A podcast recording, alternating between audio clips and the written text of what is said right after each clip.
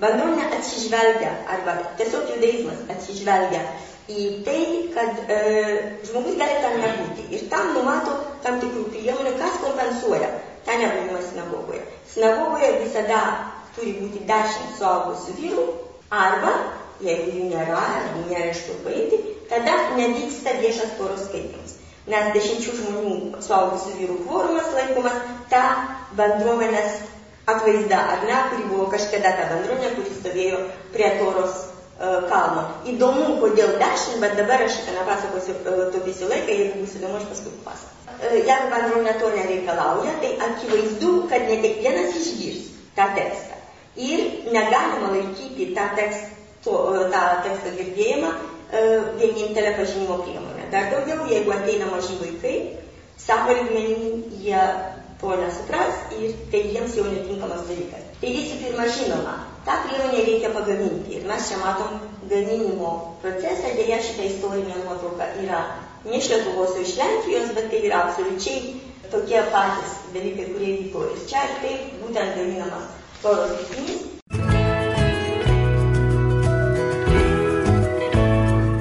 Mes matom vaiką, kuris yra per mažas, kad paeitų didelį atstumą, Ir matom žmogų, kuris jam padeda tai daryti, tai yra mokyklos prižiūrėtojas arba mokytojo padėjėjas, kuris neša vaiką į mokyklą. Bet čia nėra šiaip mokykla. Mes turim daug stereotipų ir visokių gražių pasakojimų iš dalies teisingų, kaip žydų bendruomenė, žydų tauta vertina švietimą ir edukaciją ir visą kitą. Tai yra tiesa ir netiesa. Netiesa čia yra dėl to, kad žydų bendruomenė, kaip ir kiekvienoje bendruomenėje, yra ir buvo ir žmonių, visiškai nesidomi jokių švietimų ir jokia edukacija. Dėl to tradicinė žydų bendruomenė numatė priemonės, kad visi vaikai mokytųsi, bent jau berniukai, mokytųsi privalomą tvarką. Ir kalba tuomet žinoma buvo apie religinį švietimą, bet tas privalomas mokyklos laikymas, jis yra žydų bendruomenė būdingas nuo maždaug antrų, trečių amžių po Kristaus. Taigi ganėtinai anksti, ar ne? Tai mes matom situaciją, kai šitas uh, visuotinis švietimas yra įsigaliojęs labai labai labai seniai, tai veiksmas vyksta Europoje ir mes matom, kad yra vaikai, kurie tiesiog eina savo kojom, yra vaikai, kurie yra nešami, bet kai vaikas sulaukia 3-4 metų, nėra tikslaus tokio amžiaus, bet maždaug toks amžius berniuko, jis eina į mokyklą, o jeigu jis nenori eiti į mokyklą. Iš tiesų yra tokių dainelių žydiškų irgi kur vertintis vaikas teigia, nenoriu į mokyklą, mokytojo aš nemėgstu ir taip toliau ir panašiai, bet jis eina, jis eina. Nes čia yra labai ypatingas paradoksas, kaip vėlgi skleidžiamas tas tekstas, nes žinoma, jie susipažįsta tenai su penkiatinė. Pradinė mokykla yra privaloma, bet ji yra privati. Tu turi, kaip tėvas, kaip tėvai, mokėti mokytojui. Tai atrodytų, čia turi būti tavo pasirinkimo dalykas, ar ne, jeigu tai perkama paslauga tai tu gali ją pirkti arba jos gali nepirkti. Nieko panašaus. Bendruomenės vadovybė vasarą daro apžvalgą, kalbant apie mažą miestelį, tai čia nieko nereikia net surašyti, nes visi visus pažįsta, šeimos yra pažįstamos ir taip toliau. Daro apžvalgą, kiek bus vaikų, berniukų atitinkamo amžiaus. Tada žiūri iš kitos pusės, ar bus tiek mokytojų. Nes vienas pažangus dalykas ten visame buvo tai, kad mokyklėlės tos, tos klasės nebuvo didelis. Kiekvienas mokytojas turėjo po dešimt maždaug mokinių ir aš taip paaiškinsiu, kodėl buvo tokia pažanga, kurios mes prieinam tik tai, kaip ir e, šiolaikinėje visuomenėje, e, tik tai dabar. Kaip būtų, mokytojų turėjo būti ganėtinai nemažai. Ar ne, jeigu tai bendruomenė, kaip tarkime, telšių, panevežio lygio dydžio, tai ten galėtų būti ir apie dešimt, galėjo būti net ir daugiau, Vilniuje tai jau nekalbu. Ar kaune? Ir tada užtikrinama, kad uh, užtenka mokytojų net taip, kad tėvai galėtų vis dėlto pasirinkti, nes mokytojai turi reputaciją ir taip toliau, vis dėlto, kad nebūtų pririšta, tu eini tik tai pas šitą, ne. Bet kartu, kad niekam, e, ir, niekam ir niekas ir neliktų be. Ir tuomet, jeigu tu neini į mokyklą, tai tavo šeima pradeda sek, e, siekti toks nemalonus šleifas, kad tu esi abejingas torai, toros pažinimui, kad tu. Neturi tų idealų, kurie, kuris yra šiaip būdingas žydų bendruomeniai kaip vientisam tokiam, tokiam darimui, ar ne? Kad tavo idealai yra uh, žemi, aspiracijos žemos Ir tu esi tas žmogus, kuriam dar tais seniais laikais, kur aš minėjau pirmį amžiai po Kristus, yra suteikiamas nemalonus, e, nemokšus epitetas. Kadangi jis egzistuoja tik šimtmečių tas epitetas, ar ne, tai reiškia atveju tokių būta. Nebūtų reiškinio, nebūtų pavadinimo, ar ne? Ir visada yra ta visuomeninė priespauda. Ir tada yra žiūrima tradicinėje bendruomenėje. Kodėl tu nenori edukuoti savo vaiko? Vienintelė priežastis yra lyga, kad vaikas yra per silpnas. Bet tai ar atleidžia nuo mokymo? Ne. Jis tada galėtų mokytis sulaukęs penkių metų, nebūtinai trijų ar keturių. Jau penkių metų vaikas, jeigu jis nesimoka, tai šeima yra arba labai negerbtina, ar tai yra jau toks labai labai nelaimingas atvejis, kurių afišuoti jų niekam nesinori. Dar daugiau, kai vaikai jau eina į mokyklą, žinoma, ne visų pažanga yra vienoda. Tai tada uh, uh, praėjus porai metų uh, iš principo gali šitą edukaciją pasibaigti ir galima nesimokyti toliau, eiti padėti tėvui, dirbti, tapti pameistrų pas kažką tai ir taip toliau. Įmanoma, toliau jau visi etapai yra pasirinktini, bet dauguma šeimų vis dėlto pasirenka, kad vaikas mokytųsi toliau. Ir ne tik tai dėl to, kad vat, socialiai yra nepatogu, nes tuo, kad tu vaiką atsiemi iš mokslų, tu parodai arba vieną dalyką, kad šeima jau gyvena tokiuose nepriekekliuose, kad net nepatogu, socialiai rimtina, arba tu parodai, kad tavo vaikas yra ant tiek negabus, kad jau toliau jis neturi ko ten sėdėti mokykloje. Ir vienas, ir kitas yra toks nemalonus dalykas. Galima būtų pasakyti ir reikia pasakyti, kad tas išorinis socialinis spaudimas čia yra, nu, lyg toks, na, nelabai rimtas dalykas. Bet kita vertus, dėl ko tas spaudimas? Nes, kaip aš sakiau, naratyvas pirmas atrinktas ir pavadintas Tora rodo ne tik tai šitų bendruomenės neatsitiktiną atsiradimą, bet ir jos tikslą, o jos tikslas yra tarnauti, būti avangardų visų tautų žmonių, kurie tarnauja Dievui. Praktiškai dėl, Dievas sukuria pasaulį dėl savęs, dėl to, kad pasaulis eitų pagal jo įstatymą. Ir žydų tauta turi visą tai žinoti, išmanyti ir parodyti dar kitiems. Tai jeigu kažkas to nedaro, nedaro viena šeima, nedaro dešimt šeimų, nedaro bendruomenė, neapleidžia šitą tikslą, dėl kurio žydų bendruomenė buvo sukurta. Ir akivaizdu, kad taip pasižiūrėjus, tas socialinis spaudimas atrodo trupučiuką kitaip ir ne taip būtiškai, kaip galėtų. Tai kalbant apie tos tolesnius mokslus ir kodėl jie buvo tęsiami, nors dažnai tai buvo šeimos nepalanki situacija tęsti mokslus. Aš dar negaliu susilaikyti šiam pasakojimui jau nebebūdingas paveiksliukas, bet aš noriu parodyti dėl amžių, dėl, dėl amžiaus vaikų. Jie tai, žinoma, mokosi ne iš rytinio, nes jie negali profanuoti tokio švento objekto jie mokosi išklausyti leidinių e, ir dar priedo iš tokių gerokai padėvėtų. Jie net pradeda ne iš toros teksto, o ne nuo toros paties teksto, o, o nuo maldyno teksto, bet maldyno, žydiškasis maldynas turi didelius toros fragmentus, tai yra pirma. O antra, jis labai patogiai e, struktūruotas. Žydiškasis maldynas tradicinis yra surinktas įvairiais, įvairaus dydžio raidėmis ir yra labai didelių raidžių. Taigi niekas nešvaisto laiko pateikiant vaikams abecėlės. Tiesiog jie mokosi raidžių iš karto iš maldatnikės, tada sudeda žodžius pirmus ir tada greitai pereina prie labai neįdomios trečios penkiatmingės knygos, nes niekas nesidomi. Ar įdomu ar ne, čia aš kalbėjau apie pažangą, ar ne, kad yra mažas klasės, mažas grupės, tai čia yra tos pažangos antroji pusė, atvirkštinė pusė. Pradinis žydų mokymas yra labai labai ekstensyvus, neintensyvus. Vaikai fiziškai ir protų atžvilgių dar nėra paruošti sunkiams konceptams e, įveikti ir dėl to jie mokosi kalbant praktiškai, praleidžia mokykloje visą dieną, bet užtat jų nėra daug, tai mokytojas gali suteikti kiekvienam dėmesio ir sekti tą pažangą ir paskui e, neabejotinai skleidžia šitą mokinių reputaciją toliau. Ir tada jau toliau eina mokytis dvi mokinių kategorijos vadinamoje religinėje akademijoje Ješyvoje. Mokslai nėra privalomi, ten jau studijuojamas talundas, tai yra labai primityviai kalbant toros komentaras, o ne primityviai šiandien tiesiog neturiu galimybės, bet iš tikrųjų tai yra išplėtotas, labai sudėtingas toros uh, penkiaknygės komentaras. Tam tikrų būdų čia irgi yra tora, bet jau tą platesnę, platesnę prasme. Mes apie tai šiandien daug negalim kalbėti, bet aš tik noriu pasakyti, kad ten mokėsi dvi kategorijos paauglių ir paskui jau jaunuolių. Ar jūs galėtumėt dabar pasakyti, kaip jums atrodo, kokios tai buvo kategorijos?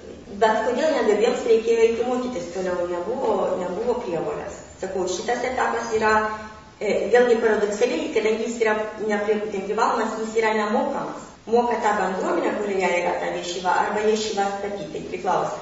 Pirma kategorija iš tikrųjų yra gabus vaikinai, o kita kategorija yra labai ambicingų ar labai turtingų arba ir vienas ir kitas tėvų atžalos, kurie galėjo būti, na, nu nebūtinai, ta prasme, nėra tokių įstatymų, gali būti e, ir e, galingas, ir šitą materialiai ap, apsirūpinęs, ir protingas taip pat, turėti protingą sūnų, kodėlgi ne. Bet buvo tiesiog ambicingų šeimų, kurie negalėjo parodyti, kad jo, jų, jų vaikas negalėtų nors dviejų metukų ten praleisti religinėje akademijoje. Paskui jis jau taip nepastebimai išeitų iš šito proceso. Bet buvo ir tokių, kurie net nenorėjo kurti šeimų, šeimų, jie norėjo mokytis toliau ir toliau ir toliau, nes prisijungti prie šito proceso iš tikrųjų buvo suvokiama kaip torai e, suteikimas egzistavimo šitoje bendruomenėje. Aš atsimenu vieną memoarą, kai vaikinas iš JAV atvažiavo į telšius mokytis e, šlovingoje telšių ješyvoje. Tokiu atveju irgi buvo ir ne vienas. Jau tai yra 19 amžiaus pabaiga, 20 pradžia, ne pradžia, praktiškai iki holokausto, kai Lietuvos ješyvos įgauna labai didelės aukštos reputacijos. Ir tas vaikinas buvo visai paauglys, jam buvo 14 metų, buvo šeimos diskusijos, ar jis turi išvažiuoti vienas, plaukti ten laivų, akivaizdų taip ilgai į kažkokią tai niekam nepažįstamą Lietuvą. Ta prasme, ješyva tai buvo pažįstama, bet iš reputacijos, bet šalis visiškai, visiškai nepažįstama. Mama buvo prieš, tėvas buvo už, tada įsikalbėjo, mama viskas gerai. Tačiau ješyva, kaip mes žinom, buvo ir dabar neatstatyta bus galima pamatyti, buvo didelė bendra mokymo salė, kur uh, vyko ne pamokos, ne, ne paskaitos, o kur savarankiškai sėdėjo studentai ir mokėsi. Buvo priimta mokytis mažom grupėm arba dviesi ir garsiai, ne, ne, ne labai garsiai, bet kalbant aptarti, ne, ne, ne pats savo vienas kaip, aptarti tą Talmudo policiją ir taip toliau. Šitas vaikinas jau, kai jis tapo, žinoma, saugusiu ir rašė savo memorus, jis rašo taip. Aš įžengiau į šitą salę ir pamačiau torą. Va tai vyksta Lietuvoje 20-ame amžiuje, kur jau modernizacijos procesai yra labai toli nuėję, kur jau egzistuoja didelis sekuliarus bendruomenės segmentas kur jau religinė bendruomenė nėra tai, kas pilnai uh, apibūdina bendruomenės buvimą. Bet jam, jis mato tik tai vieną, jis mato torą. Aš atsimenu, kokį įspūdį man šitie žodžiai padarė, uh, skaitant pirmą kartą, bet dar daugiau, kur yra publikuoti šitie memoarai. Tai yra įdomiausia iš už viską. Šitie memoarai yra publikuoti knygoje, yra toks žanras žydų literatūroje, pagrindę po holokaustinės žanras, yra uh, bendruomenių memorialinės knygos. Ir yra tokių labai daug apie visos Europos bendruomenės, yra ir apie Lietuvą. Tai yra telšių memorialinė knyga. Jie sukūrė absoliučiai pasaulietinę redakcinę kolegiją. Jie sukūrė pasauliečiai, trumpai tariant. Jie sukūrė žmonės, kuriems yra būdinga būti literatais, redaktoriais, e, leidėjais ir taip toliau. Buvo ir žmonių, kurie neturėjo tos kvalifikacijos, jie atėjo iš kitų profesijų, bet juos nesudarė radinai, štai ką aš noriu pasakyti. Ir šitos knygos 60 procentų tekstų yra apie Lietuvos ješyvą, apie, atsiprašau, telšių ješyvą. Ir šiaip telšius kaip toros, e, galima sakyti, sostinės reputacija. Nes, kai aš kalbėjau apie tapatybę, šita tapatybė su laiku tampa komplikuotesnė. Taip, tu gali būti nereligingas žmogus, tu gali iš viso neįti pamaldas, tu gali iš viso nelankyti, nelankyti sinagogoje. Bet tora lieka absoliučių identifikacijos kriterijumi. Jeigu tu esi žydas, jeigu tu savęs neidentifikuoji su žydais, tai yra kita istorija. Jau 20 amžius yra ir šiuo atžvilgiu labai komplikuotas laikas, kai jau yra žmonių, ir jų yra šiandien, e, kurie savęs neapibūdina per etninį, e, grinai, per etninę tapatybę. Jų tapatybė komplikuotesnė ir jie tada gali atsiriboti iš jūsų nuo žydų bendruomenės. E, ir sakyti, nesvarbu, kad etniškai aš esu žydas. Bet ir vėl tai būtų geriau pasakykime apie mūsų laikus, dar iki holokausto, tai yra reti atvejai. Ir ta bendruomenės dalis, kuri šiaip nesieja savęs su kasdienės toros diktuojamas praktikas, vis dėlto lieka to kriterijumi apibriešta ir su juo kad ir asociatyviai susijusi. Po holokausto šitas sąsajos paradoksaliai ar neparadoksaliai tampa e, tampresni, tampresnės. Nes tai iš tikrųjų yra įdomu pasižiūrėti, kaip šitas objektas ir objektas ir tekstas įsiskverbia į kasdienybę individų, jau nebe bendruomenės. Aš noriu Jums parodyti vieną labai intimųjį objektą, net ne visai aišku, kas tai, na, bet tikiuosi, kad jis gerai matomas. Tai yra trys juostos tekstilinės, suvinėtos, ar ne, vėl gražiai suvinėtos, bet aš neturiu spalvotos nuotraukos. Ar kiekvienoje, taip, kiekvienoje iš tų juostų, bent jau šituose dviejuose, mes matom torus rytinio atvaizdą pirma, pirmame egzistuoja kitame modelėje, aš tai papasakosiu vėliau. Tai yra daiktas, kuris vadinasi Winkle, čia panaudotas žodis uh, iš Europos kalbų, kai uh, žydų berniukui sėlina aštuonios dienos, jam vykdomas apipjaustimas. Ir žinoma, jis yra apvyniuojamas labai gražiais, jis nebūna su drabužėliais, jis apvyniuojamas labai gražiais, gražiom vystiklom, specialiai, ten, ten, ten vieną ir visą kitą. Kai ritualas šitas praeina, visa ceremonija praeina, tai yra labai svarbus ritualas, nes tokiu būdu, kaip atsimenat jūs, berniukas prisijungia prie bendruomenės, tokie žodžiai išsakomi. Ką daro, nes tą padarė Abraomas, pirmas žydų bendruomenės atstovas, ar ne, ir tada tas ritualas, vėlgi viskas kartuojama ritualą, šitas berniukas prisijungia prie viso, prie bendruomenės. Mama išskelbia tą stiklą, ją supjauna juostomis ir išsiuvinėja, ką jinai ten nori, praktiškai niekas jos neriboja, bet mes matom, kokius siužetus jinai pasiema išsiuvinėti, dažniausiai išsiuvinėjamas vaiko, vaiko vardas, nes būtent per, tik tai tą dieną, apipjaustimo, apipjaustimo dieną, berniukui yra suteikiamas vardas. Tai tada čia tas vardas, tai kaip atsiminimas ceremonijos, atrodytų čia ir viskas. Kodėl čia uh, būtent tokie simboliai? Vat antroje mes šalia toros lyginių matom ir vis, vestuvių baldakimą. Čia mes matom tą baldakimą, bet čia yra užlenktas toros likinys, mes jo nematom. O čia mes matom tik tai vieną toros likinį, visas kitas eina toliau, nes yra toks tradicinis palinkėjimas vaikui, kad jis išgyventų ar, uh, iki toros, iki vestuvių ir iki gerų darbų. Kaip iš viso šitą interpretuoti? Čia iš esmės yra sveikatos palinkėjimas. Kad vaikas būtų sveikas ir galėtų mokytis, kad jis, žinoma, ir sukurtų šeimą, o geri darbai kodėl tik tai po to ateina. Jie, kodėl negali būti visą laiką tų gerų darbų? Dėl to, kad kai žmogus miršta e, ir e, žydų kapinėse jam įkūriamas paminklas, tai jau po jo mirties jis prisimenamas per savo gerus darbus, tai yra tokia, tokia jau nekropolinė retorika. Kad jis išgyventų ilgą gyvenimą ir būtų prisimintas iš savo darbų. Atrodytų, okei, okay, čia toks suvenyras ir ne, tai yra pragmatinis daiktas. Tokia išsiuvinėta juosta yra dovanojama sinagogai ir ją yra apviniuojamas toros rytinys. Nes toros rytiniai yra apviniuojami, surišami, kad neišsiviniotų ir dedami į tokius dėkus, kur aš dabar parodysiu. Čia, žinoma, ne mūsų atvejs, tai yra Mantoje ir tai yra labai prabangus sinagogos, labai prabangus saronkodėšas arba šventųjų skrinė, kur, kur laikomi toros rytiniai, kaip mes matome, šitie dėklai yra panašus į karališkasias mantijas, toros rytinys, ne, ne toros rytinys, bet etschaim, tos uh, gyvybės medžio uh, rankenos, ant jų uždedama karūna, tikra karūna, dar skambaliukai ir visą eilę visokių papuošalų, nes žydų bendruomenė, tradicinė žydų bendruomenė dar iš savo, iš savo vaizduojamame ir e, taikomajame mene visą tai kanalizuoja į praktiškai į religiją, į religinius objektus ir į torą arba į toros laikymo vietą. Tai tam, kad normaliai būtų šitame dekle toros įtmės, jis yra suviniuojamas jis ne bet kuo yra suviniuojamas. Tai yra tas simbolinis ryšys, kai vaikas, kuris ne tik tai, kad jis skaityti dar nemoka, e, jis ką tik gimęs praktiškai, jis tik, tik ką gavo savo pirmąją, pirminę tapatybę, tai yra vardą, jis jau ryšamas, tiksliai to žodžio prasme, vėlgi praktiškai, pragmatiškai, per tą klastelę ryšamas su bendruomenės pagrindinę vertybę. O tai yra toros objektas. Ir žinoma tekstas, kuria, iš kurio jis sužinos toliau visą tai, kaip jam reikia gyventi, kai, kai jis mirs, bus parašyta, kad jis savo gyvenimą išgyveno per gerus darbus.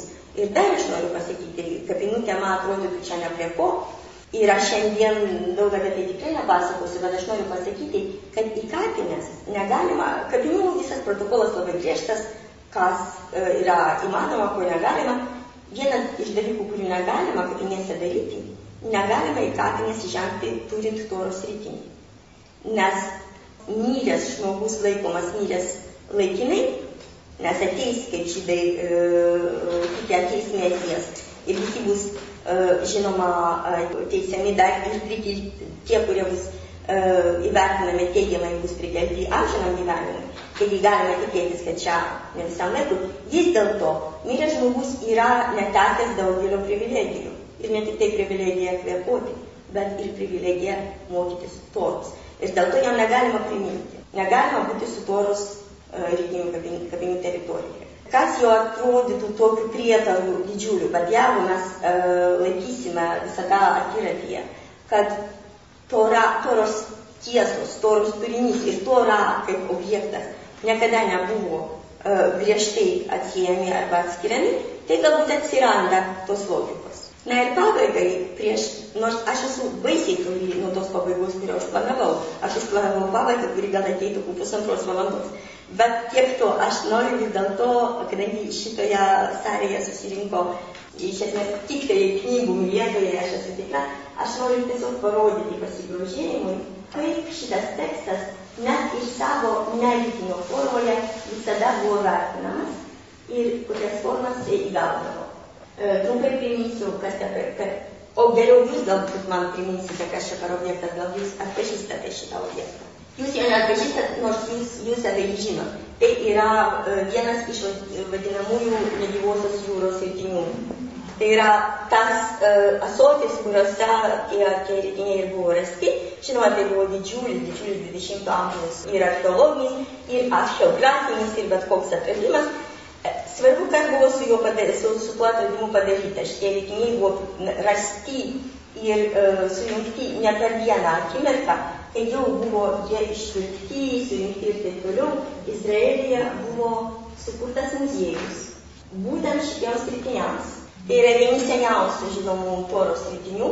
Štai muziejus forma atkartoja asočio dangtį, mes nematom, nematėme, nes buvo jis atidarytas ir su puikiu minimalizmu, sakyčiau, jame eksponuojami, ai, ne, nu čia nelabai gerai matosi, jame eksponuojami tik toros, va tie radiniai, nieko kito šitame muziejuje nėra. Ir e, ta, tai yra vitrina, kur saugiai patalpinti patys pažydžiamiausiai objektai iš jų, nes tai yra vis dėlto fragmentai, dauguma jų yra fragmentai. Ir vėlgi, ką mes matom, kokios formos tai yra. Tai yra Ecchaim, tas, ta rankena, ar ne, toros įripinio, visą tai eina tokia spirale ir atsikartoja. Ir čia kaip atrodo šitie rėpiniai, žinoma, pagal gerąją pasaulio restauravimo praktiką, niekas nebandė jų atstatyti fragmentų ir dalių, jie tiesiog buvo užkonservuoti ir jų galima, e, juos galima tame apžiūrėti. Jūs galite įsivaizduoti, kad tikrai netikrai lietuviai žmonės eina į tą muziejų apsilankyti tai yra visų, visų vertybė. Toliau uh, porą žodžių apie tuos rankraščius. Šitas drakonas, šitą nuotrauką nėra pati geriausia ir kokybiškiausia pasaulyje, aš ją rodau dėl to, kad aš pati ją padariau Burlenų bibliotekoje ir pati mačiau šitą rankraštį toras. Tas tekstas, kuris patalpintas drakono formoje, yra pirminis vadinamasis masoretiškas komentaras torai, tai yra 8 amžiaus Po Kristaus pirma buvo ir iki šiol nėra jokių kitų elementų išskyrus tekstą, tekstą patį, net punktuacijos ženklų, bet tas konservatiškas komentaras iš viso jis neprivalo būti tokios formos žinomas, tiesiog jis turi būti paraštas ir rašomas, bet tai yra vėlgi, aš kalbėjau apie šventąjį familiarumą, dabar aš kalbu apie šventąjį žaidimą. Tora, kaip tekstas ir objektas, yra neišsakiamo žaidimų irgi dalykas.